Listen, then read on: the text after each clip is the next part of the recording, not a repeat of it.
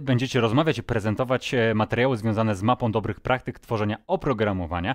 I w zasadzie zaraz też opowiecie, o czym będzie ta e, prezentacja. Jeszcze na wstępie tylko e, przypomnę, żebyście zawsze w komentarzu dali znać, czy nas dobrze słychać, czy nas dobrze widać. Zależy nam na tym bardzo, aby każdy taki stream, materiał, który dla Was przygotowujemy, niósł ze sobą wiele mer merytoryki, ale także, żebyście dużo mogli z niego wyciągnąć. No i też jest przewidziana sesja Q&A, oczywiście po tej części prezentacyjnej. Będzie też nagroda za najbardziej kreatywne pytanie, ale o tym już więcej opowie Piotr i Dawid. E, panowie, ja w zasadzie Wam oddaję głos, bo nie mam nic więcej już do dodania. Widzimy się podczas sesji Q&A. Doskonale, dziękujemy bardzo Michał. No i tak, przechodzimy do naszej mapy. To, to jest plan naszej dzisiejszej przygody. Można też traktować to trochę jako taką naszą agendę na dziś. No i też tak jak Michał wspomniał, pamiętajcie o tym, żeby zadawać nam pytania i najciekawsze z nich nagrodzimy jakimś małym gift packiem od, od Synergy Codes. Ale dobra, zanim zaczniemy właściwą e, część, mamy nadzieję, że przeczytaliście nasz artykuł, który też się na Join pojawił, ale zrobimy sobie taką szybką powtórkę z tego, co tam, e, co tam opowiedzieliśmy. Opowiadaliśmy o naszej, jednej z naszych błędnych decyzji, dotyczącej wyboru biblioteki. E, to jest taka czysto techniczna decyzja, tak by się mogło wydawać, ale zrobiliśmy tam też taką delikatną analizę tego, co się wydarzyło wcześniej, e, co nas doprowadziło do tego błędu. No i był to na pewno e, błędny proces, błędy we współpracy między naszymi zespołami. Tak, popełniliśmy też błąd podczas zbierania wymagań. Wspomnieliśmy tam w artykule, że co prawda odbyliśmy event storming, natomiast nie było klienta na nim. E, mieliśmy dobrze doinformowanego analityka, więc tutaj nie było problemu, e, lecz zrobiliśmy podstawowe e, złe założenie, że tak naprawdę wymagania dostosują się do rozwiązania. Że biblioteka zdefiniuje nam, co tak naprawdę trzeba zrobić. No to był... A te rzeczy no, działają odwrotnie. Zazwyczaj to wymagania nam mówią o tym, jaką bibliotekę mamy do tego dobrać. Zdecydowanie tak. No i tak, tak naprawdę przejdziemy tutaj też do komunikacji, bo to, że my takie założenia zrobiliśmy, Dużym problemem był tutaj e, problem z komunikacją i to nie tylko z klientem, ponieważ e, nie dogadaliśmy tej rzeczy z klientem, e, założyliśmy pewne rzeczy, ale też między dwoma zespołami naszymi. No tak, no i dzisiaj też przejdziemy sobie przez różne rodzaje takich błędów, tak jak w tym artykule od tej technicznej strony do tych bardziej ogólnych, procesowych rzeczy. No i tak, przechodzimy w nasz pierwszy punkt naszej dzisiejszej przygody. No i będziemy mieli questa. Praktycznie każdy quest e, rozpoczyna się od wizyty u jakiegoś takiego wiem, starszego pana z siwą brodą w długim płaszczu i on nam daje trudną misję. E, naszą trudną misją jest przyniesienie mu świętego grala, potrzebnego do tego, żeby design każdego systemu, który robimy, był po prostu dobry. Tak, czyli tak naprawdę spróbujemy sobie przejść przez mapę dobrych praktyk tworzenia programowania E, ale zanim to zrobimy, spróbujemy sobie odpowiedzieć, czym jest ten dobry design e, systemu, jakie są jego cechy. Więc przede wszystkim, tu nie ma się co kłócić, działa. To jest absolutnie najważniejsze. Jeżeli robimy coś małego, coś jakieś, nie wiem, MVP na demo za trzy tygodnie, czy na konferencję i potem do kubła, no to w sumie ma tylko działać. Nie musimy się zastanawiać nad tym, jak to zrobić ładnie i dobrze. Tak jest. Następnie jest utrzymywalny i rozszerzalny. To są z kolei rzeczy, które już przy długofalowym projekcie nas bardzo mocno interesują. Chcemy być w stanie naprawiać błędy, wprowadzać nowych ludzi, jakoś pracować w długim terminie z takim systemem, no ale też dokładać jakieś funkcjonalności, jakoś go rozbudowywać. Tak jest. I to tak naprawdę powinno już usatysfakcjonować klienta, bo działa, jest utrzymywane, rozszerzalne. E, dochodzą też jeszcze takie atrybuty jakościowe jak e, testowalność i skalowalność. Na pewno skalowalność jest super ważna. W momencie, kiedy e, ten system, który tworzymy, nie jest skalowalny, to nie działa, więc tutaj tak naprawdę zataczamy sobie takie koło. Tak, jeżeli jeden z głównych celów projektu jest obsługa ruchu na poziomie, nie wiem, miliona użytkowników na raz, no i to nie działa, no to jakby całość nie działa w zasadzie. Zgadza się.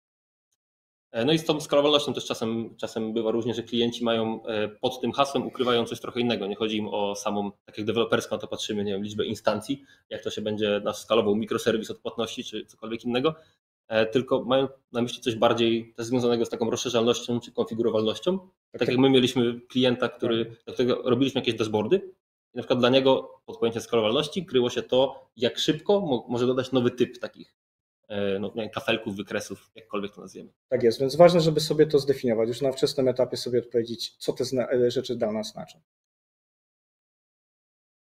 No i teraz, jak mamy już misję, to rozpocząć to musimy od doboru jakiegoś orężu i e, dla nas takim podstawowym, dla nas jako deweloperów, podstawowym orężem e, są tak naprawdę standardy kodu, czyli od jakichś linterów, prettierów i tego typu rzeczy, które no, po prostu nas pilnują pewnym sensie. To też takie konfigurowalne rzeczy w projekcie jak e, testy. I nie mówimy tutaj o testach manualnych, ale testy jednostkowe. I to, to obie te rzeczy spinają się też mocno na poziomie hooków, bo często, żeby nam to pomagało, no to musimy też mieć jakąś automatyzację tego, że one się będą w ogóle uruchamiać. Więc tak, to jest też coś, co wpada w takie standardy kodu. I do tego wszystkiego też musimy dopiąć reguły ignorowania reguł, bo mamy lintery, fajnie, e, mamy testy, wszystko fajnie, tylko no czasem faktycznie musimy zrobić coś, e, nie wiem, no z pominięciem, musimy użyć eny, musimy zrobić test ignora gdzieś. Czasem to ma po prostu sens i trzeba wiedzieć kiedy.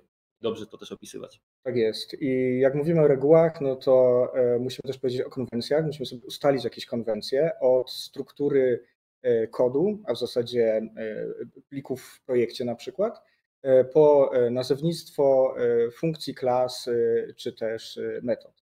Ważne jest też tak, żeby tworzyć ten kod, aby był on reużywalny. No jak mówimy o reużywalności, no to wiadomo architektura. Coś, co tak jest bazą dla całego projektu. Architektura, czyli zestaw decyzji, które podejmujemy w czasie. Tak, to bardzo ładna definicja w ogóle. Tak. I fajnie, żeby te, te decyzje były podejmowane świadomie. A żeby były podejmowane świadomie, E, to w takim orężu naszym e, powinniśmy mieć w głowie e, takie rzeczy jak Solid, Grasp czy ogólnie wzorce projektowe. Nawet jeśli nie wchodzimy gdzieś głęboko, jakiś powiedzmy domain driven design albo tego typu rzeczy, to mając te podstawowe rzeczy w głowie, wiedząc w jaki sposób projektować ten kod, wyrabiamy sobie taką pamięć mięśniową. I wtedy budujemy podstawowe bloki kodu, E, i w odpowiednim momencie, kiedy jest taka potrzeba, e, możemy sobie żonglować e, dowolnie. No i tak, te niektóre z tych pojęć mogą się kojarzyć trochę akademicko, że to gdzieś tam było na studiach przerabiane, chociaż tam tak naprawdę raczej się tego nie używa, tylko tak, się o tym mówi. Teoria, brak praktyki, zdecydowanie. No, ale tutaj w praktyce faktycznie, tak jak Piotr wspomniał, tej pamięci mięśniowej jest bardzo, bardzo przydatne, jeżeli w zespole mamy wypracowany też odpowiedni standard tak. dla tego typu rozwiązań. Nie trzeba pilnować ludzi, wiemy, że te rzeczy będą po prostu dobrze zrobione i pewne, pewne rzeczy pewne złe rzeczy e, nie wystąpią. No i co do złych rzeczy, no to też przy każdej, e, każdym z tych punktów możemy przypisać jakiś też taki w miarę typowy błąd. No jeżeli chodzi o te pierwsze lintery, pretiery i takie sprawy, no to ja sam też byłem kiedyś tym człowiekiem, e, który spędzał trzy dni na dobraniu jedynego słusznego zestawu reguł do TS-Linta, którego potem nikt nie chciał używać, bo w sumie był męczący. I to wcale nie działało dokładnie tak jak trzeba, więc jakby nie bądźcie tym, tym typem, który też w ten sposób do, do tego podchodzi. To wcale nie jest e, najważniejsze. Tak jest. Testy, mówiliśmy o testach, no niewątpliwie e, świetnie jak są. Więc jak są, e, to też dobrze jest podchodzić w taki sposób, żeby te, te testy jednostkowe nie ustawiać, nie konfigurować w taki sposób, żeby testowały pojedyncze linijki kodu. Nie doprowadzić do sytuacji, gdzie test getera nam podbija znacząco na przykład pokrycie. Nie? Zdecydowanie tak. Lepiej sobie ustawić to w taki sposób, żeby branże logiczne e, były testowalne. E, tak, getery i, i, i, testowanie linijek e, kodu no, nie ma sensu, żeby tylko i wyłącznie statystyki sobie zwiększać i, i realizować te metryki. No i te dwie rzeczy znów się spinają ładnie z hookami, czyli też tym, jak je skonfigurujemy. No i w tej sytuacji, o której przed chwilą mówiłem, gdzie ładnie trzy dni spędzałem nad Teslintem, spędzałem też kolejne dwa nad konfiguracją hooków. No i oczywiście muszą się odpalać zawsze przed komitem, wszystkie testy, autofixery i tak dalej. No i to w zasadzie ludzi bolało, bardziej się pomagało, więc bardzo szybko zostało to odpuszczone. Tam jakieś flagi skip test, czy tam no verify, jak to się nazywało, to od razu wchodziło w grę. Więc też no, te hooki trzeba zrobić dobrze, tak żeby pomagały. Trzeba pomyśleć o tym troszkę. Tak, tak samo konwencje dobrze, żeby pomagały e, i żebyśmy nie zmieniali je co chwilę. Jeśli jesteśmy tym człowiekiem, który wchodzi do nowego projektu, projektu z historią, tak sobie go nazwijmy, widzimy, że było dużo różnych zmian i mówimy, dobrze, to nam się nie podoba, wchodzimy z kolejną rzeczą. E, e, dajmy sobie chwilę na to, żeby zrozumieć, żeby poznać ten kod i pewne konwencje być może na pierwszy rzut oka są kompletnie nieintuicyjne, a może się okazać, że jest jakiś sens za, e, za tym. Natomiast jeśli jednak się okaże, że nie, zmieniajmy to w sposób taki masowy i planujmy sobie te, te rzeczy. Zakładajmy jakieś GTI, ale w sumie tak, do GTI jeszcze, jeszcze za chwilę. Tak, będziemy do tego jeszcze wracać, ale to też o co chodzi z, tym, z tymi konwencjami. No to jeżeli wchodzimy na przykład do nowego projektu, to też nie bądźmy tym człowiekiem, który mówi, ja robiłem kiedyś tam inaczej, to tak było dobrze, oramy, wszystko oramy, zrobimy po mojemu, takie super. Tak jest. No bo to trzeba też zrozumieć, te, dlaczego ten dany zespół, dany projekt dopracował się takich konwencji, a nie innych i no po prostu z nimi trochę pożyć, bo może akurat e, mają sens. Patrzymy notacja węgierska, okej, okay, na pierwszy rzut oka. Bez sensu? Totalnie. Ale jeżeli działa, to działa. Chociaż też robiąc takie rzeczy warto pomyśleć o progu wejścia. Bo znowu taka notacja węgierska przykładowa, no to w sumie jak dla mnie zwiększa próg wejścia. W sensie, nie jest to intuicyjne zupełnie, to fakt. E, no, także o tym trzeba myśleć. Przeskoczyliśmy punkt o częstym chodzeniu na skróty, co też e, trochę do, tego, do tych reguł, ignorowania reguł się odnosi. Czyli właśnie mamy te lintery, czy dobre praktyki pisania kodu u nas, no ale czasem trzeba e, wrąbać ten symboliczny set time od zero. I to, co jest w tym ważne, to żeby nie robić tego tak z automatu, że chodzę, próbuję zrobić, nie działa, no to set timeout i do widzenia. Tylko włożyć jakiś czas, porozmawiać z zespole, zapytać kolegi, może wymyślimy coś razem i dopiero jak się nie da, no to owszem, zrobić to, ale tu znów z GTI-em, zrobić tudusa, taska, cokolwiek, żeby to nam nie uciekło i kiedy spróbować w sumie to poprawić. Tak, no i te, te, te set time, tego typu rzeczy wymienione, czyli haki, no dobrze, żeby tych haków było jak najmniej, a żeby było na, jak najmniej e, haków, trzeba myśleć od początku o architekturze i to jest bardzo częsty błąd, gdzie w ogóle ta architektura inaczej. Tak, nie możemy powiedzieć, że architektura występuje, bo są losowe decyzje w losowych momentach. Przypadkowa. Przypadkowa architektura, tak. Z grubsza y, y, nie możemy mówić właśnie o architekturze wtedy.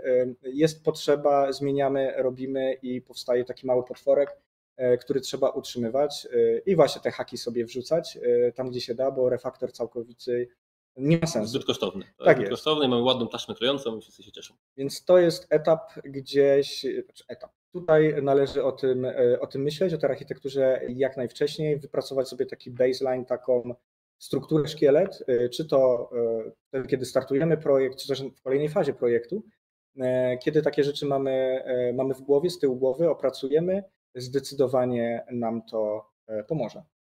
Tak, to się przyda później, ale teraz zostawiamy standardy kodu i mamy już naszą misję. No jak wiadomo, przed wyruszeniem w drogę należy zabrać drużynę, więc teraz troszeczkę o zespole i procesach, jakie możemy sobie wdrażać. To też trochę się przepata z jakością, E, w projekcie. Jeszcze na koniec to wyjaśnimy czemu. E, natomiast od, od początku na to patrząc, to mamy CI/CD, czyli też wszystkie rzeczy typu jakieś pipeline, automatyczne odpalanie buildów, testów, linterów i tak dalej. To wszystko musi być dobrze skonfigurowane, wpasowane w nasz proces developmentu i dziać się w tle. To powinno być jak najbardziej bezobsługowe. Tak, czyli rzeczy, które trzymają nas e, w pewnym ramach, ramach tak. dokładnie tak, w pewnych ramach E, I dodatkowe e, rzeczy, które trzymają nas w pewnych ramach, są to metodyki prowadzenia projektu. I nie ma znaczenia, czy to jest Scrum, czy Kanban, czy Waterfall, teraz już mniej. Nie, ale to dalej ale się zdarza. Zdecydowanie. Jeśli mamy świadomość, że tego typu metodyki występują i staramy sobie w zależności od typu projektu, od zespołu, który mamy, dobrać, fajnie trzyma nas to w ramach zespołu. Natomiast jeśli jest taka sytuacja, że z jakiegoś powodu nie jesteście w stanie podążać którąś z tych metodyk, e, to my jesteśmy absolutnie e, ogromnym zwolennikiem jednej z ceremonii, czyli retro. Tak jest. Jak, jak dla nas to jest najważniejsza z ceremonii, jeżeli na przykład macie e, jakąś taką rozwaloną metodykę, żeby działało, coś tam sobie robicie, ale nie jest to bliskie żadnej z książkowych definicji, no to ja bym po prostu wziął do tego procesu retro i robił je, nie wiem, raz w miesiącu i zobaczył, dokąd dojdziemy, wypracowując sobie jakiś swój, swój proces. Tak jest. Ciężko mówić jakichkolwiek z ustalania procesów, kiedy nie mamy przestrzeni na to, żeby w ogóle zdefiniować, żeby w ogóle zobaczyć, czy jakieś procesy nam są potrzebne. E, gdzieś tam w rozmowach w kuchni tego raczej, e, raczej nie no załatwimy. Dobra, odchodzimy od metodyk i to, co też jest bardzo ważne dla e, jakości w projekcie, no to dobra współpraca z QA. Nie mamy tu na myśli kogoś, kto po prostu manualnie testuje, no bo też każdy z nas to trochę robi każdy z nas ma jakiś, e, jakiś wkład w takie manualne testy, czy swoje e, rzeczy musimy testować, czy kolegi, to się często zdarza. E, chodzi mi też tutaj bardziej o to, żeby włączać QA w cały proces na przykład refinementu, no bo to są ludzie, którzy mają dużą wiedzę o analizie ryzyka, o zarządzaniu jakością, o samych tych metodykach już wspomnianych, więc po prostu warto tę wiedzę wykorzystywać, warto z nimi blisko współpracować w takich sprawach. Tak jest. I nie tylko z QA, również niezwykle ważny jeśli w ogóle o tym mówimy, jest przepływ informacji w całym zespole między y, ludźmi zaangażowanych w projekt. Jako deweloperzy wymieniajmy się tą wiedzą, e, e, róbmy sobie jakieś takie techniczne synki, wtedy, kiedy y, jest taka potrzeba i opowiadajmy i pokazujmy to, co udało nam się wypracować. No i też idealną platformą do tej wymiany wiedzy między deweloperami jest tak naprawdę code review. Myślę, że zdecydowana większość projektów już teraz e, na szczęście używa tego procesu, czyli jest code review, tam pull requesty, merge requesty, tam, czego używacie to już e, obojętne, w sensie jak to się nazywa w danym e, narzędziu. No ale tym, w tym procesie, w tym fragmencie procesu, jakim jest code review, Mamy dobre pole do komunikacji między nawet juniorami, seniorami, jakiejś nauki czegoś technicznego, przekazania wiedzy takiej stricte technicznej, ale też wejścia w projekt głębiej, lepszego zrozumienia domeny. No, jest to i po prostu idealne pole do wymiany tego typu informacji między deweloperami przynajmniej. Tak, starajmy się nie klepać, bo tak, że mm, jestem juniorem i przychodzi senior, fajnie wygląda, nie mam się co odezwać, albo co jeszcze. Albo się boję. Albo boję się, e, tak, i dajemy approve'a. To, to jest lampka. To jest lampka żółta, żółta lampka w momencie, kiedy jak się boję, jak ktoś się boi odezwać. E, to jest, tak jak Dawid wspomniał, platforma do wymiany wiedzy. E, nie tylko po to, żeby realizować jakiś tam proces, z którego dla zasady. Tak, dla tak. zasady. Tak, to jest świetna platforma do wymiany wiedzy. No i teraz odchodzimy też trochę od, od tego przepływu, przepływu, informacji, chociaż też w sumie nie do końca, bo kontrakty zespołowe to jest e, coś, czego my też sami doświadczyliśmy e, na tym, między innymi na tym przypadku opisanym w artykule. Ja byłem w zespole od biblioteki, Piotr w zespole od e, aplikacji, no i no tam w artykule jest opisany właśnie przykład, że coś poszło nie tak. I tego mieliśmy więcej, zwłaszcza się to zdarzało w sytuacjach, kiedy oni jako aplikacja mieli zapotrzebowanie na jakieś, jakieś kontrolki czy jakieś szybkie fiksy, no i zgłaszali to różnymi kanałami. Każdy tak jak uważał. Ktoś zakładał taska, ktoś pisał prywatnie do mnie, ktoś na jakiś bardziej ogólny kanał. No i to nam się gubiło. Nie było do końca ustawione. Tak i wydawało nam się, że w sumie to jest dogadane, ale nie było żadnej dokumentacji tego. I to jest kolejny punkt, który, który chcemy poruszyć, czyli dokumentacja, e, zbieranie nie tylko dokumentacji takich procesów zespoło, e, zespołowych, czy też kontraktu zespołowego API. To tak, bardzo często API do zespołu. Tak API do zespołu, tak ale też zbieranie e, wszystkich rzeczy związanych z wytwarzaniem samego programowania. E, to, w jaki sposób e, projektujemy sobie architekturę, to jaki jest przepływ informacji w, powiedzmy w kodzie. Wiadomo, kod powinniśmy pisać w taki sposób, żeby był samokomentujący się, no, ale jest wiele rzeczy, które, które gdzieś tam, tak jak architekturę, fajnie jest z lotu ptaka Y, gdzieś tam zdokumentować i, i mieć pod ręką. Tak, no tym bardziej to jest też jedna z takich decyzji, które są też mocno iteracyjne i wychodzą w czasie i zazwyczaj e, zbudowanie jakiegoś bazowego mechanizmu jest poprzedzone jakimś proof of concept czy czymś tego typu, no i to też zawsze warto sobie opisać, udokumentować, mieć jako punkt odniesienia i to nas też w sumie płynnie prowadzi do czegoś takiego jak ADL, czyli Architecture Decision Log i też żeby zapisywać sobie to czemu, znaczy jakie decyzje to po pierwsze, ale też czemu je podjęliśmy i co innego próbowaliśmy i dlaczego to odpadło. Tak, dobrą praktyką jest komentowanie tych rzeczy, dawanie gdzieś w kodzie w repozytorium, ale często się zdarza, że repozytorium nie należy do nas, jest, do, jest u klienta, z jakiegoś powodu klient nie chce tego trzymać. Róbmy to nawet na boku. Tak, Confluence, SharePoint, tak. Google Doc, to będzie działać. Kluczem jest to, żeby były te rzeczy w jednym miejscu. E, jak najwięcej zbieramy super i żeby były w jednym miejscu. Jeśli będzie to rozrzucone po milionie kanałów gdzieś na Slacku, E, gdzieś, na, gdzieś w Outlooku, ogólnie na mailu, e, to, to, to nie będzie działać. No tak, to musi być w jednym miejscu i też musi być tego dużo i jakościowe, bo to też zmniejsza próg wejścia do projektu. Nie przychodzi ktoś nowy, dowie się jak działa zespół, jak mają właśnie procesy, ale też dowie się dużo o kodzie, jeszcze nawet zanim go tworzy. To prawda. Dobra, to chyba wyczerpaliśmy ten wątek. E, no i dbanie o jakość w zespole i te procesy nam się bardzo blisko wiążą, więc dlatego trochę złączyliśmy te punkty. Samo to dbanie o jakość jest trochę taki też trening przed wyruszeniem w prawdziwą już e, drogę. E, no i nie umieliśmy tego do końca w sumie tak oddzielić. Stąd te, e, te dwie rzeczy poszły jakby hurtem. No i dalej, jak już mamy, mamy naszą drużynę, mamy jakiś oręż, mamy usta, ustalone jakieś właśnie procesy, rzeczy nasze, no to musimy sobie zaplanować trasę.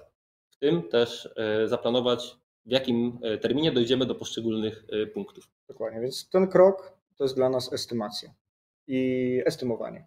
E, ważne, żeby zacząć samą estymację od zdefiniowania sobie procesu. Różne są zespoły, różne są typy projektów i bardzo często inaczej. Nie da się tak samo podchodzić do tych rzeczy. Więc na początku, jak sobie zdefiniujemy proces, weźmiemy sobie pod uwagę ograniczenia, E, czy też projektowe, czy też e, zespołowe, e, zdecydowanie lepiej będziemy w stanie celniej wystymować te rzeczy. No tak, bo też cały trik polega na tym, nie żeby sobie zrobić estymatę na wyrost, że tam właśnie zmiana labelki 3 dni i to się uda, tylko próbować realnie trafić w ten punkt, o który, o który nam chodzi. No i też, żeby w ogóle móc mieć szansę coś takiego zrobić, no to musimy też nakładać sobie bufory. Musimy w tych naszych estymacjach zawsze uwzględniać rzeczy, o których, e, które mogą się wydarzyć niespodziewanie, albo nawet bufory na rzeczy, o których wiemy, że się wydarzą, typu zarządzanie projektem, e, czy na przykład nawet właśnie jakieś, co, że coś stoi w code review po stronie klienta, to też w jakimś sensie powinniśmy gdzieś tam uwzględniać. Czy nawet czas na testy, który swoją drogą powinien być częścią definition of done. Tu znowu tak lekko możemy wrócić do tych procesów w zespole. To też takie rzeczy typu definition of ready czy definition of done bardzo warto mieć. Tak, jak się podąża tą którąś z metodyk, to, to na pewno gdzieś się to przewinie i, i, i zdefiniowanie sobie tych właśnie DOD, DOR y, bardzo, bardzo y, pomaga. Y, bufory też są dosyć śliskie momentami. W momencie, kiedy tylko i wyłącznie sobie mówimy o buforach i no, załóżmy, że coś tam się popsuje, no to dajemy sobie plus jeden dzień, plus jeden dzień, plus jeden dzień, czy tam ileś godzin. Super, że w ogóle o tym myślimy.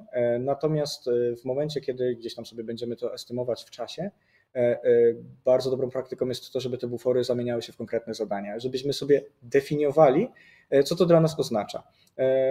Tak, I... czy jakieś checkpointy chociaż na tym definition of done. Czy chociaż tak. jakieś checkpointy, dokładnie tak. Dzięki temu te, tych buforów będzie coraz mniej, a będą rzeczy już nazywane i będziemy wiedzieli, ok, robiąc taką rzecz wiemy, że trzeba zrobić tak. Przyjdzie nowy projekt, też będziemy wiedzieć, że musimy to uwzględnić, to wygląda w taki sposób. No i żeby to wszystko mogło się wydarzyć, musimy też to śledzić, bo jeżeli nie będziemy śledzić tego, jak wypalamy nasze bufory i które są realnie potrzebne, a które nie, e, no to pogubimy się w tym później i to też wpłynie na to, że nie będziemy w stanie dobrze analizować ryzyk i dobrze ich wskazywać i kontrolować. W jakiś sposób, w jakiś sposób musimy też adresować. Nie, nie, będziemy wiedzieć, gdzie nam się psuje tak dokładnie, no to to też będzie dużo trudniej. Tak, no i nie możemy e, tutaj zakłamywać absolutnie rzeczywistości, typu mieliśmy taki kiedyś, w sensie ja miałem taki projekt, w którym brałem udział, gdzie mieliśmy klienta nowego, chcieliśmy się wykazać, e, robiliśmy takie estymaty na podkórek generalnie, wiedzieliśmy, że być może to się uda, być może nie.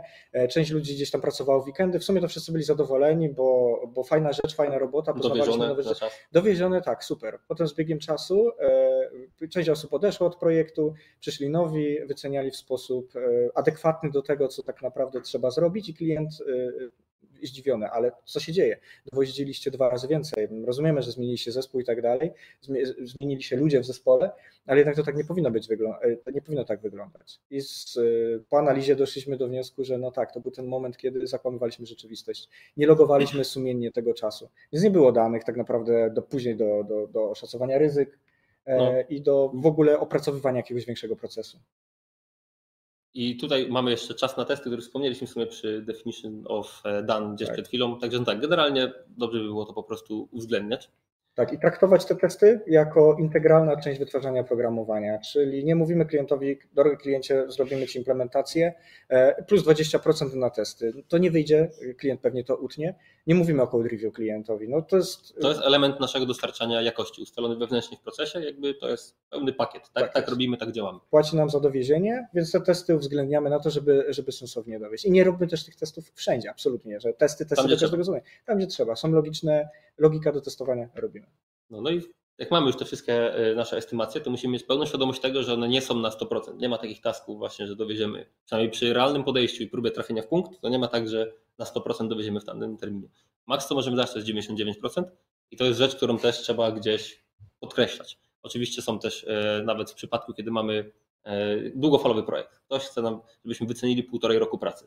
Wiadomo, trzy tygodnie to można usiąść, wycenić, to będzie bardzo precyzyjne raczej ale jak robimy y, półtora roczny projekt i klient chce wiedzieć, kiedy będzie release, no to jakby tam mamy bardzo mały poziom pewności. Możemy na przykład dać minimalną estymatę, że na 50% zmieścimy się w tym terminie i jakąś tam maksymalną, to nie wiem, na przykład, że na 80 czy na 90, czy na ile tam uważacie, e, zmieścimy się w takim terminie.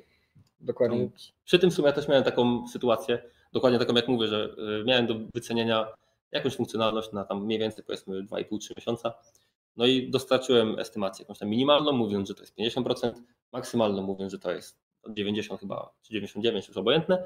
No i menedżer wziął sobie tą minimalną, powiedział, że to jest deadline, przekazał to wyżej. No i z tego nam wyszło, no, była taka delikatna aferka. E, no jak wiadomo, nie udało się tego dowieść tym minimalnym, tam szanse były właśnie 50%. Więc no to jest też rzecz, którą na pewno warto robić i warto dobrze podkreślać, jakie są te procenty i z czego to wynika. Tak, a jeśli rzeczy takie wychodzą, to niezwykle ważna jest transparencja.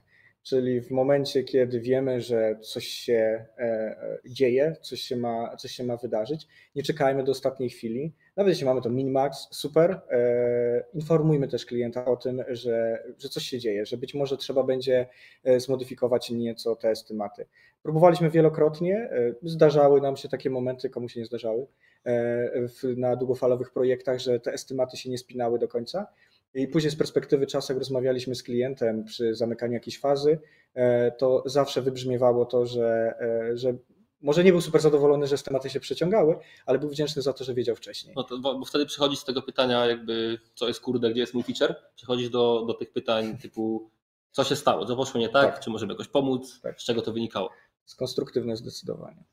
E, no i w sumie ta transparentność to jest też coś, czego możliwe, że mi brakło w tej sytuacji, którą przytoczyłem przed chwilą. Po prostu zbyt, zbyt mało klarownie przedstawiłem, z czego wynikają te procenty. E, no i gdzieś nie zostało to do końca zrozumiane, więc tak wina tam była po obu stronach. No ale właśnie, dobra, mamy tę transparentność. Jeżeli ją już mamy i jesteśmy, tak się komunikujemy na bieżąco też z klientem, no to to nam zostawia pole do tego, żeby w którymś momencie wprowadzić tak bezboleśnie coś takiego jak sprinty stabilizujące. I to jest ten punkt, kiedy wracamy do wspomnianych wcześniej GTI-ów, czyli tych tasków na refaktory, e, refaktory poprawę mhm. E, czegoś w kodzie. No i po prostu będziemy w stanie dogadać z klientem to, żeby na przykład raz na kwartał robić sobie taki jeden sprint, gdzie ściągamy tylko te rzeczy z tego backlogu GTI-owego powiedzmy. Tak jest. No i e, bardzo ważne jest to, jesteśmy w temacie estymacji, czyli żeby te GTI estymować. Róbmy to też w taki sposób, że e, jeśli coś jest do zmiany, wiemy, że musimy jakąś część kodu zinwestygować, e, dzielmy to na tak małe kawałki, aż jesteśmy w stanie realnie to wycenić, dawać sobie ten, ten, ten czas taki realny. No i właśnie, realnie. To w sumie z GTI-em to wiadomo, właśnie począć zrobić ogólnie z taskami jakimiś takimi przewidywalnymi, no to począć zgranulować jak najbardziej i estymować to. Ale załóżmy mamy też taski researchowe, czy jakieś właśnie proof of concept trzeba zrobić i to jest rzecz, która zawsze zajmie, jak damy na to 5 dni, to to zajmie 5 dni. No, tak działa pierwsze prawo y, czasu na jakąś pracę. Zawsze wykorzystamy cały ten czas, jaki jest. No i dlatego warto, e, warto to sobie ściąć, jakoś na przykład na research dawać 6 godzin, po, którym, e, po których musi nastąpić e, no, check. Przychodzimy do zespołu, mówimy, wymyśliliśmy to i to, i na przykład eliminujemy jakąś opcję, może jesteśmy w stanie już rozdzielić typowo techniczne zadania, może trzeba kogoś innego, może wiemy, jakiej ekspertyzy nam brakuje. Generalnie robić sobie mniejsze, i nie kłócić się z rzeczywistością też, y, że właśnie zrobimy to w skończonym czasie, że w 6 godzin będzie, bo możliwe, że nie, tylko właśnie przygotować sobie taką ścieżkę tych czeków i iteracyjnie do tego też podejść. Tak jest. Ważny jest cel, żeby ustalić sobie cel. Tak samo jest w momencie, kiedy planujemy sobie pracę w jakimś y, y, już wspomnianym projekcie z historią. Mamy legacy code, wiemy, że dajemy nowy feature, planujemy sobie jakąś fazę discovery. Też dobrze jest sobie to tak rozłożyć, że nie, nie ma szans, że w tydzień na przykład przejrzymy absolutnie cały kod. E, zróbmy sobie jakiś cel, jakieś checkpointy, e, to jest, to jest bardzo ważne. Estymujmy sobie realnie wtedy. No i też w sumie sprinty stabilizujące, ta cała transparentność prowadząca też do tych sprintów i to nam może bardzo pomóc z realnymi estymacjami, no bo też wiadomo, po drodze zbiera nam się bałagan w kodzie, jest takie zamiatanie pod dywan, taśma klejąca, to się dzieje zawsze i wszędzie. No i dzięki tym sprintom stabilizującym, dzięki temu, że mamy czas na obsługę GTI-ów, jesteśmy w stanie na tyle pozamiatać tam, gdzie się najwięcej zbierze, że będzie w miarę równo i ten dywan, który zamiatamy, będzie w miarę płaski i wtedy możemy osiągnąć też lepszą przewidywalność estymacji no, w każdym z poszczególnych obszarów dywanu, w sensie modułach systemu. Tak jest. A żeby, żeby lepiej rozumieć co, to, co tak naprawdę się wydarzyło, że w ogóle te GTI gdzieś tam powstawały, e, warto na koniec e, jakiejś fazy, e, czy też nawet całego projektu zrobić sobie takie spotkanie, które się nazywa postmortem. E, to jest trochę podobne do retro. Tak, tylko obejmuje szerszy okres i w sumie dotyczy bardziej projektu niż zespołu. Dokładnie tak. Natomiast jeśli Was to interesuje, chcecie, chcecie więcej e, się dowiedzieć w tym temacie, to zapraszamy Was na nasz kanał e, synergiowy naszej firmy. Tam kolega fajnie tłumaczy o tym, z czym to się je i jakie są plusy tego typu spotkań. Tak, to, co jest najważniejsze do zapamiętania z nich, no to to, że one muszą być w takiej formule blameless. W sensie nie szukamy winnego, tylko ktoś, kto nawet zrobił coś źle, e, wyciągamy to na tylko po to, żeby uniknąć tego błędu. Tak. I to będzie w tym kluczowe. Ale tak, no po więcej odsyłamy właśnie do tego e, naszego filmiku.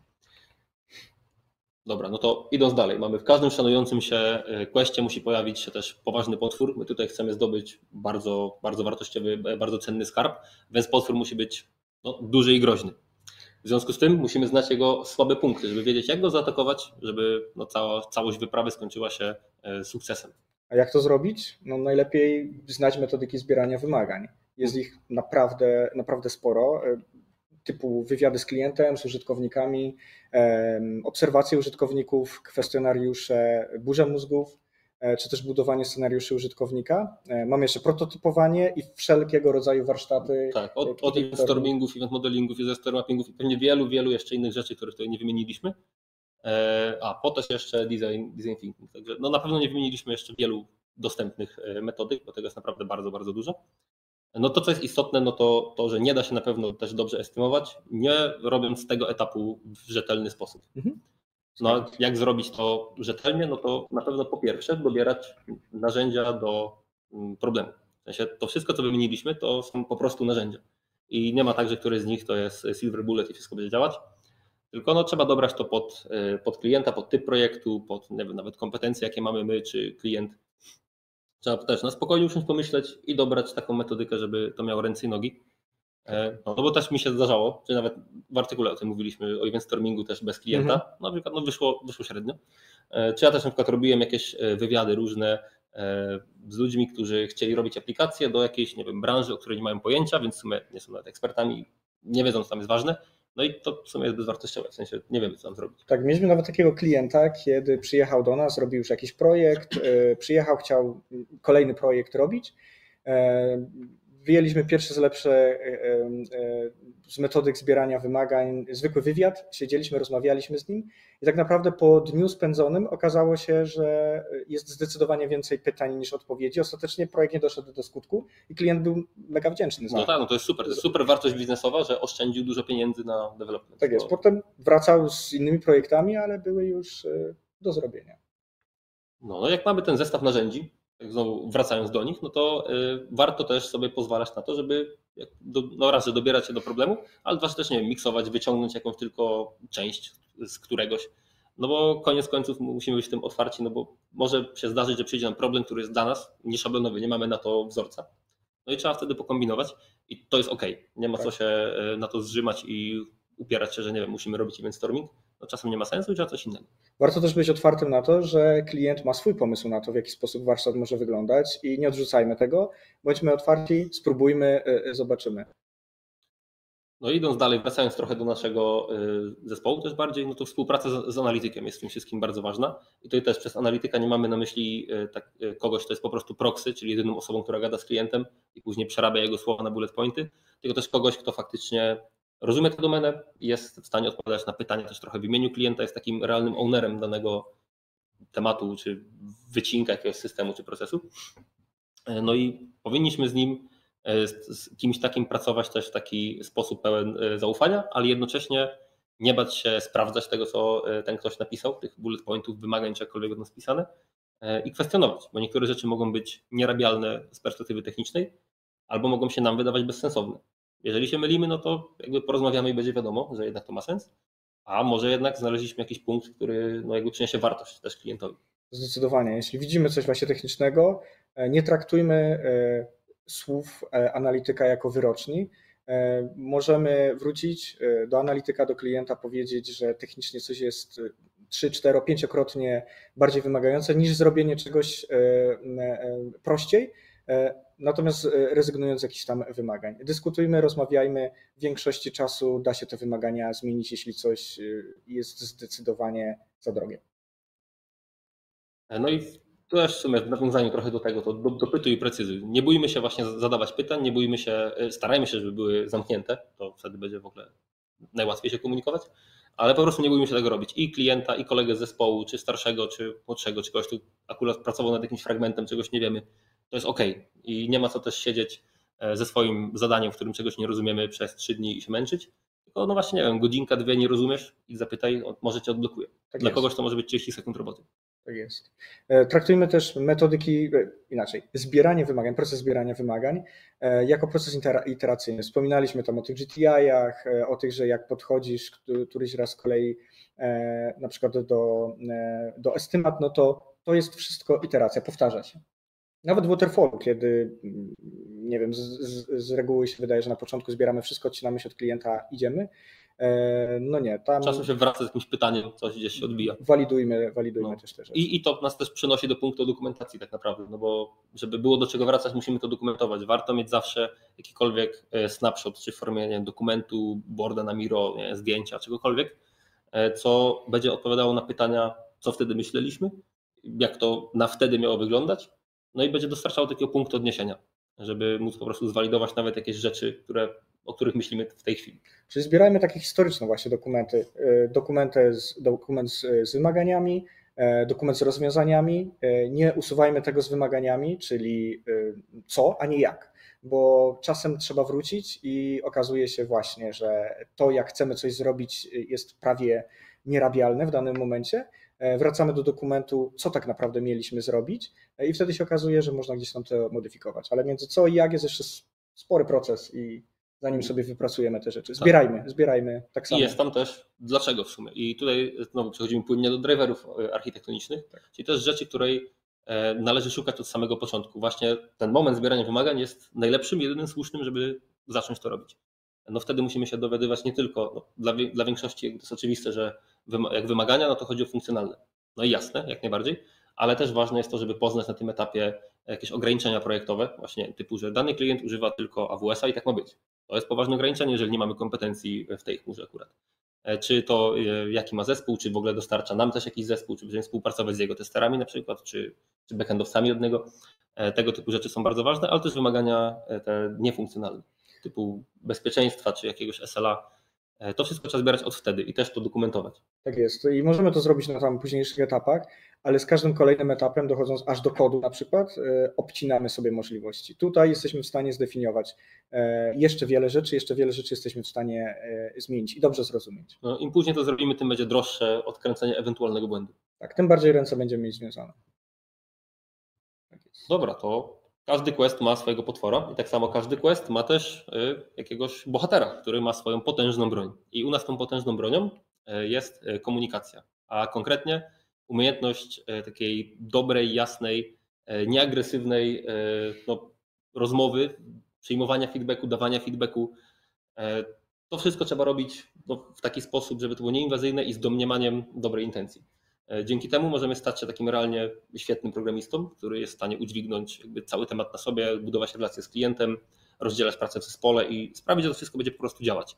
Bez takich umiejętności miękkich, no to raczej powiedziałbym, e, zaryzykowałbym tezę, że w sumie nie można być świetnym programistą. Można być świetnym technicznie, można być bardzo dobrym tak ogólnie, ale no ciężko będzie wejść na ten naprawdę taki ekspercki e, poziom. Zgadza się. No i jeśli mówimy o komunikacji, no to wiadomo język, znajomość języka. Nie mówimy tu o polskim, to jest, to jest oczywiste. Język angielski, podstawa, e, wiadomo, ale też jak pracujemy z innymi klientami, e, wiem, hiszpańskojęzycznymi na przykład, e, to nawet te pojedyncze słówka. Można wtrącić jakiś mały small talk, coś tam się pochwalić, że znamy słówko, to zawsze buduje jakąś taką międzyludzką relację po prostu, tak. co koniec końców też jest e, wartościowe. Tak, niesamowicie. Testowaliśmy, sprawdzaliśmy, mamy klientów, do których gdzieś tam wracamy, rozmawiamy i tego typu praktyki naprawdę robią, robią robotę. E, no i nie mówimy tutaj też czysto o języku technicznym, bo to też jest dosyć e, oczywista sprawa. Wiemy, że potrafimy się komunikować e, jako na przykład deweloperzy, czy też w momencie, kiedy zbieramy te wymagania na tym naszym biznesowym, biznesowym technicznym językiem. Mówimy tu o języku takim no, bliżej, bliżej potocznego też. Tak jest, potoczny, codzienny no język. To nam się też wiąże mocniej z e, kulturą. No my sami też mieliśmy niedawno organizowane też przez nasz e, dział HR takie e, szkolenia z różnic kulturowych między Amerykanami a Polakami. I to jest coś, co też wielu osobom u nas otworzyło oczy na niektóre dla nich dziwne reakcje po stronie klienta.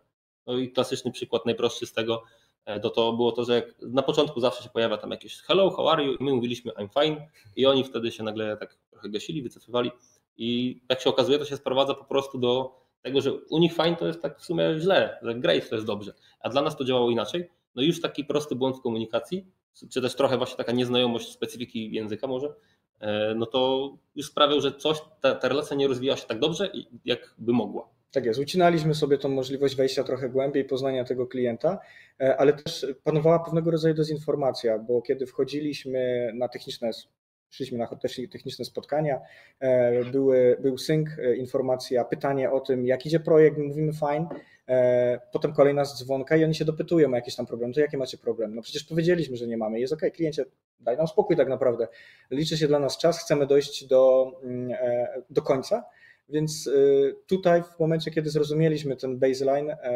zupełnie inaczej zaczęliśmy do tego podchodzić.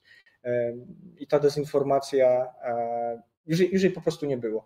Słowa niby te same, ale inne trochę definicje, inne rozumienie tego, więc zdecydowanie warto poznawać no, kulturę. I rozumiejąc to, jesteśmy w stanie wypowiadać się ogólnie bardziej precyzyjnie, co jest też absolutnie kluczowe. Mówiliśmy o tym dopytywaniu już też, o y, dążeniu do raczej zamkniętych pytań, więc no, też, żeby dobrze się komunikować z zagranicznym klientem, trzeba też na tyle dobrze znać język, żeby faktycznie umieć wyrazić się precyzyjnie i e, no, tutaj też taka sytuacja gdzieś kiedyś, e, już nie pamiętam gdzie, ale ktoś u mnie w zespole powiedział, e, miał na myśli to, że pracujemy ciężko i powiedział, że we are hard working, co znaczy totalnie co innego, więc no, do tego się sprowadza też ta precyzja wypowiedzi troszkę. Dokładnie. Tak, o dopytywaniu już też w sumie wspominaliśmy, więc to, co następne jest ważne, to też follow-upy, czyli to, jak mamy jakiekolwiek spotkanie techniczne, czy też takie bardziej biznesowe, no to powinniśmy zrobić na koniec notatkę, wysłać ją do wszystkich zainteresowanych, bo po pierwsze mogliśmy coś źle zrozumieć i wtedy klient ma idealną szansę nas naprostować i jakby wytłumaczyć, co tak realnie miał na myśli. Dwa, że kogoś mogło u nas nie być na spotkaniu, więc mu się to przyda. A trzy, że my sami za dwa tygodnie nie będziemy pamiętać. Tak, mamy taką dobrą praktykę, że nawet jeśli są wszyscy zaproszeni, e, to i tak wysyłamy ten follow-up na koniec i niejednokrotnie wracaliśmy do tego, bo były podjęte jakieś tam decyzje albo o czymś już rozmawialiśmy, ale nie do końca pamiętaliśmy. No i to też się wiąże, że wypracowaliśmy sobie cały ten proces e, e, z tym, że pracujemy asynchronicznie. E, wcześniej no nie było to zbyt popularne, przynajmniej dla większości z nas. E, no, Sytuacja, no. pandemia trochę to zmieniła. Każdy sobie wypracował jakieś procesy. Warto mieć to cały czas na uwadze. Nawet jeśli nie mamy tego jeszcze ogarniętego do końca, bo mówimy, to jest tymczasowe, no to to już raczej nie wróci. I warto no, no, Na pewno nie wrócimy w takim stopniu do biura, jak to było wcześniej. Dokładnie tak, nie wróci taka normalność, zgadza tak, się. Tak, musimy się nastawić na to, że zawsze będzie potrzebny właśnie jakiś follow-up, czy zostawienie śladu po dyskusji przy kawie w kuchni na jakimś slacku, żeby ludzie, którzy akurat nie byli w kuchni albo pracują z innego miasta, e, no też mogli wiedzieć, że właśnie zapadła ważna decyzja, na przykład architektoniczna w naszym projekcie to takie rzeczy dzieją się też w kuchni. Tak, oczywiście, e, niejednokrotnie. I ważne, żeby ta właśnie informacja sobie e, krążyła po całym zespole. Ludzi, którzy są niedostępni, nie widzieli tego, nawet byli gdzieś tam na urlopie, są w stanie do tego gdzieś tam wrócić i sobie to odtworzyć.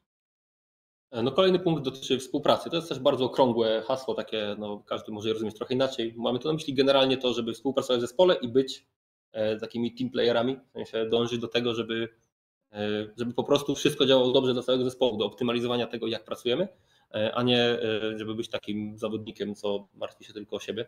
Tak, obsługa takiej osoby, taki single playera jest kosztowna dla zespołu. Może w niektórych przypadkach być ok, że i mamy piwniczaka, który siedzi, robi kod, natomiast na dłuższą metę w normalnie funkcjonujących zespołach, no to, to nie jest do końca, nie, nie do końca tędy droga. Jak mówimy o współpracy, no to wiadomo, partnerstwo należy, czy dobrze jest, żeby, żeby klienta od samego początku traktować jako, jako partnera. Wtedy wiele tych rzeczy, o których wspomnieliśmy wcześniej, e, weźmiemy by default.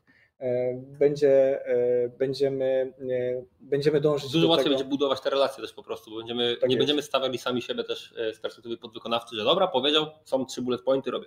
Tak. Tylko zastanowimy się nad tym, dlaczego one są, co one oznaczają, jaka, jak, jaki był cel za tymi bullet pointami i wtedy jest dużo większa szansa, że no dowiedziemy to, o co jemu tak naprawdę chodziło. Tak jest. E, I traktujmy również partnersko zespołu, z którymi pracujemy, nie tylko jak klienta, ale tak jak u nas bardzo często mamy zespół e, designu e, i współpracujemy z nimi. W momencie, kiedy sobie ustalimy zasady i traktujemy zespół jako, jako partnera, gramy do jednej bramki, niesamowicie to pomaga. No i tak jak każda porządna historia ma jakiegoś e, potwora, ma jakiegoś bohatera, który ma super broń, tak też musi być na koniec jakiś e, poważny zwrot akcji. No i u nas tym zwrotem akcji jest to, że po pokonaniu potwora okazuje się, że tym świętym gralem jest no właśnie komunikacja. I to dlatego, że pełni bardzo ważną rolę w każdym z poprzednich kroków. Od tego, że w sumie follow-upy to jest czysta komunikacja. Tak przez no, e, estymację. To, to też ma dużo wspólnego z komunikacją. Code review. E, tak, jako ta platforma, o której mówiliśmy mhm. wcześniej, to jest też no, bardzo dużo się rozbija też o to, w jaki sposób rozmawiamy ze sobą tam w komentarzach. Mhm. Kontrakty zespołowe to też jest e, czysta komunikacja. Dogadujemy sobie pewne, pewne rzeczy. Standardy kodu to samo. Tak, to, to jest też możemy śmiało traktować z racji tego, że jednak większość czasu czytamy, czytamy kod zamiast go pisać, no to możemy śmiało traktować sam kod jako również medium komunikacji. No i też trzeba no, trzeba o to też dbać. Tak. Metodyki zbierania wymagań, no tutaj absolutnie to jest podstawa. No, nie jesteśmy w żaden inny sposób zebrać wymagania, jak nie komunikując się e, z interesariuszem. No tak, i wszystkie procesy, też retro, postmortem, tego typu spotkania, cokolwiek sobie w zespole usta ustalamy, to też no, potrzebujemy do tego dobrej komunikacji, żeby zrobić to dobrze i sensownie. Tak, no i dochodzimy do tego, co wspomnieliśmy wcześniej, czyli drivery e, architektoniczne.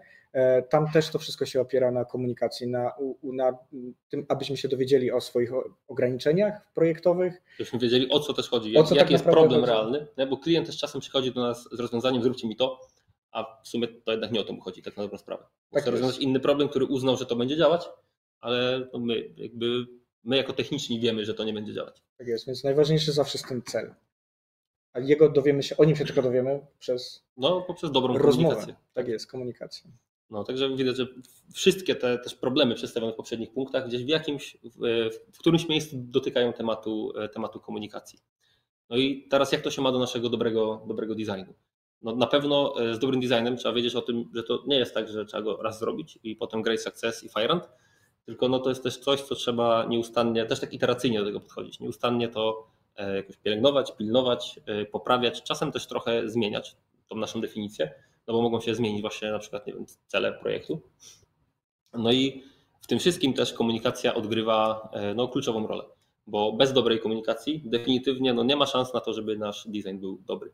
Tak, no i nie ma też bez komunikacji możliwości e, odpowiedniego zebrania wymagań. No a jeżeli nie zbierzemy wymagań e, w taki rzetelny, dobry sposób, to też na pewno nie uda nam się zrobić e, dobrych estymacji. Tak, a jak mamy złe estymacje, nie mamy czasu przewidzianego na to, żeby pewne rzeczy robić, no to nie ma mowy tutaj o jakości.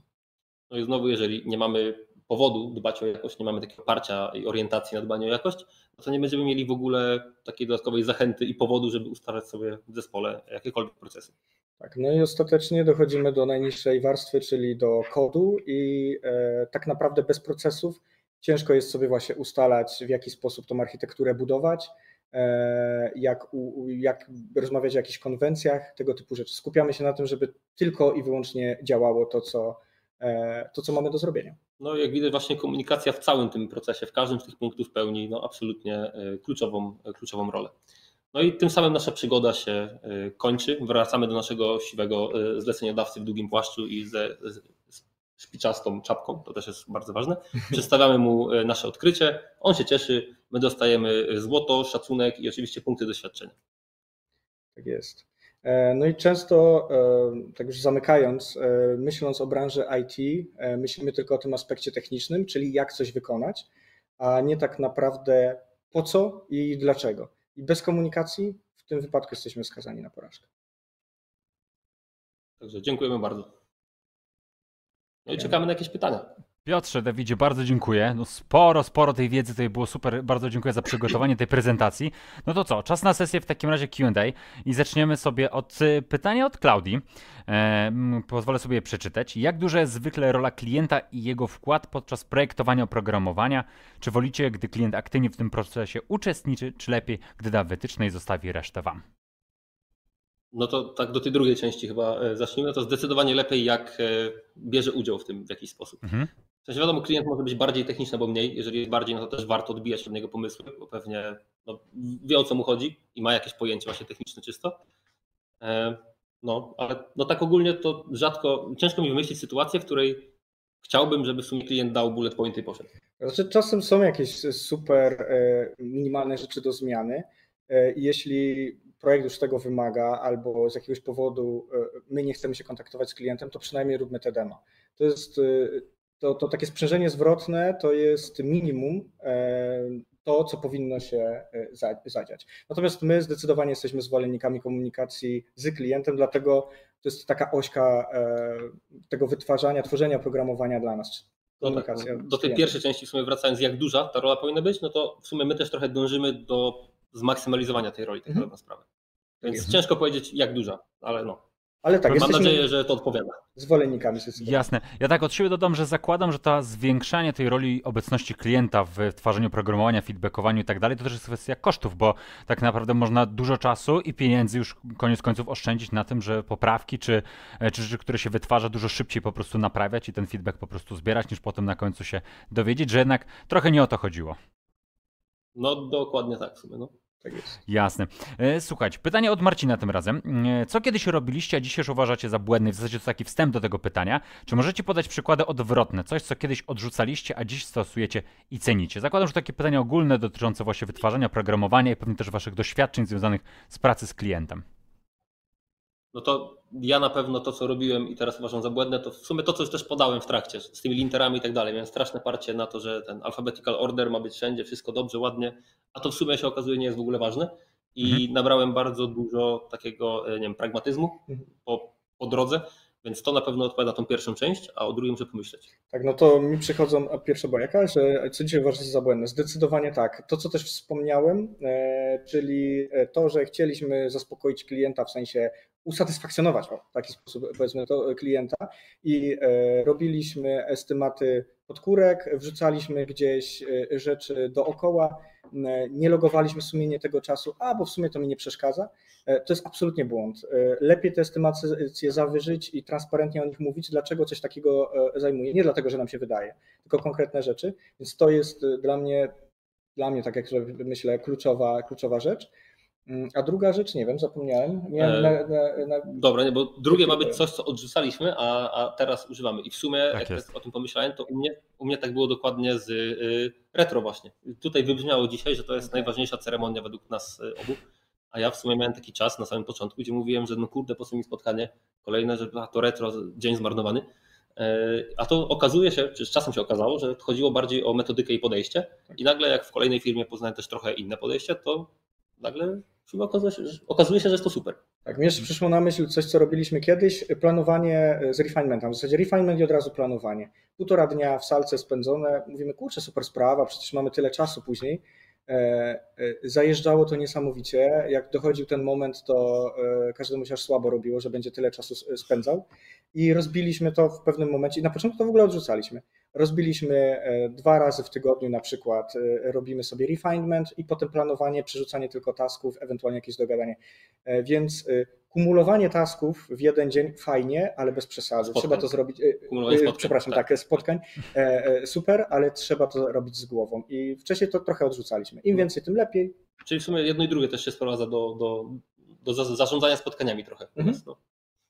Jasne. Ja myślę, że to jest bardzo ważne, bo nieraz o tych spotkaniach się mówi, że albo są totalnie już niepotrzebne, bo są po prostu tak powielone i w zasadzie o tym samym mogłyby być mailem, prawda? A potem wpadam w drugą stronę, czyli stworzymy ogromną ilość maili, w zasadzie można by to zamknąć podczas krótkiego kola i w zasadzie wszystko sobie wyjaśnić. Więc e, tak, no. E, Słuchajcie, kolejne pytanie, tym razem od e, Tiberians Vein e, z YouTube'a. Co do estymacji, co myślicie o podejściu No Estimates, gdzie pracując ze story pointami pomijamy wyceny i zakładamy, że każde zadanie jest równe jeden story point? No to, to jest też w sumie bardzo ciekawe. Miałem taki Mhm. moment, że się mocno w to e, wczytywałem. No i tak naprawdę, gdyby to zależało w 100% ode mnie, to wiele projektów e, robiłbym właśnie no, w ten sposób. Bo no, i to bardziej się tyczy też tych krótkich, że na przykład jak mamy właśnie projekt na 3 tygodnie, a z tych 3 tygodni spędzamy 2 dni na dobrej wycenie, no to w sumie po co? E, To, to trzeba po prostu zrobić i tyle. Co innego właśnie, to, to no, no Estimates nie do końca do mnie przemawia w kontekście tych półtora rocznych projektów, gdzie właśnie mamy jakieś no, dużo więcej tych iteracji. E, Tam jednak to się przydaje, E, nie nam, dla nas to może być trochę ból, ale rozumiem też e, perspektywę klienta, który może potrzebować orientacyjnej wyceny, która po- powie mu, w którym miesiącu przyszłego roku może zrobić release, bo na przykład musi ułożyć, nie wiem, przygotować klientów, czy nawet prawnie się przygotować i pod tym kątem to, no ile faktycznie momentami może to być ból, no to rozumiem. Tak jest, więc ja, ja zgadzam się właśnie, że długofalowe projekty raczej, raczej ciężka sprawa w tym momencie. E, W naszych, część naszych projektów e, nie jesteśmy w stanie e, w ten sposób działać. Musimy konkretnie powiedzieć, kiedy coś przewidujemy, e, bo mamy cykle jakieś wydawnicze i No. to są, e, jak nie, nie wskoczymy w okno, mamy trzy miesiące potem e, e, odłożenia feature'a całego, czy, czy jakiejś tam części projektu na, na półkę, No. więc No i to wiadomo, ja też chętnie bym wylądował w dużym projekcie, który próbuje tego No Estimate, bardzo chętnie bym to zobaczył w praktyce. Niestety myślę trudno taki znaleźć, E, zobaczymy może kiedyś.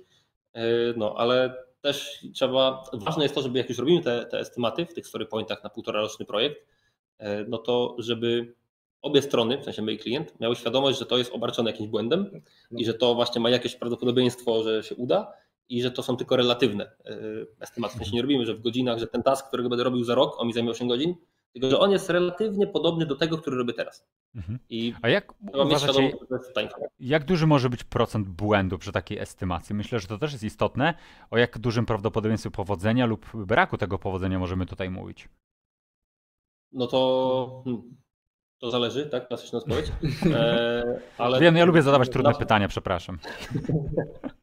No, bardzo dobrze, bardzo dobre pytanie.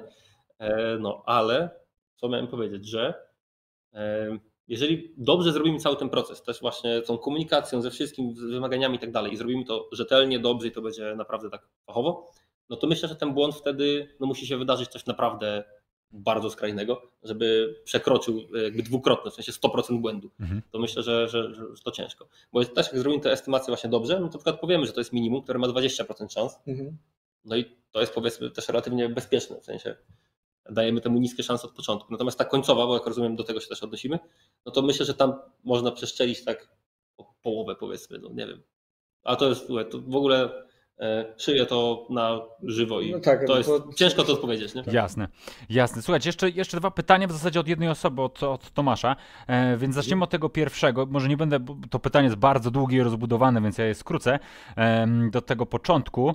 E, jaka jest Wasza opinia o podbijaniu pokrycia przez unit testowanie części wizualnej? Od tego zacznijmy.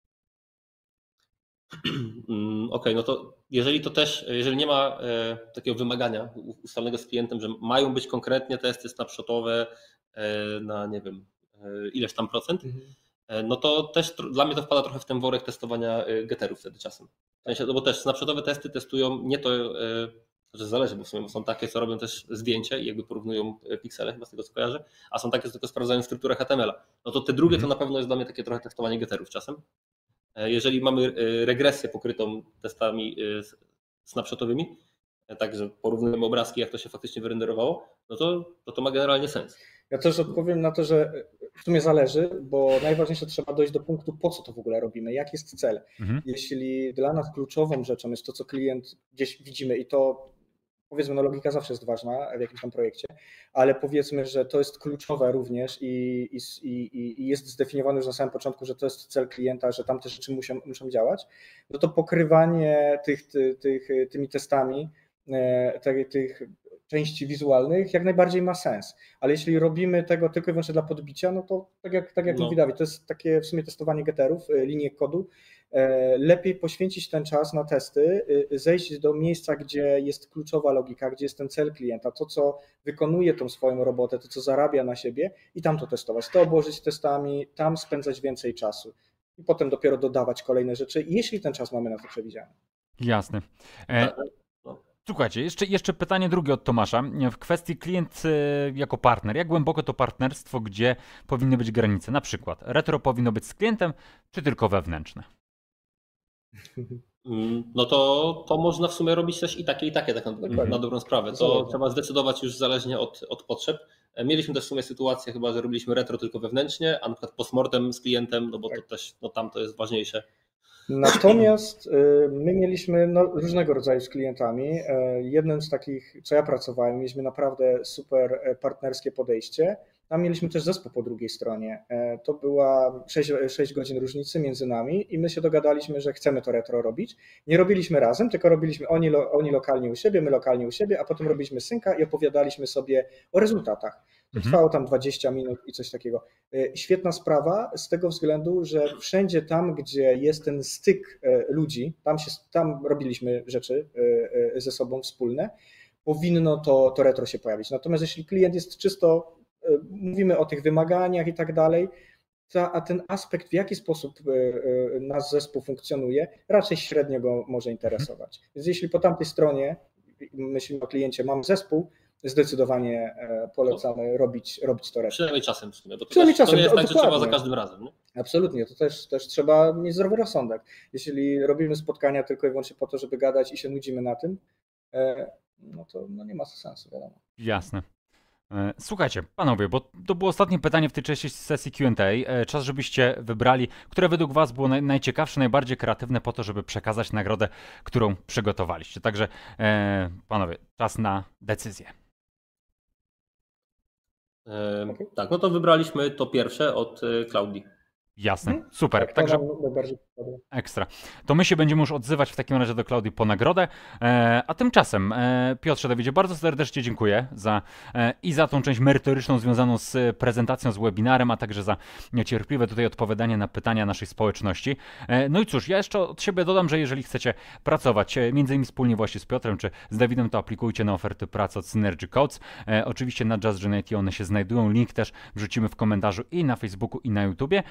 A tymczasem bardzo jeszcze raz dziękuję i do zobaczenia, do usłyszenia. Dziękuję bardzo. Dziękujemy. Miłego dnia. Na razie.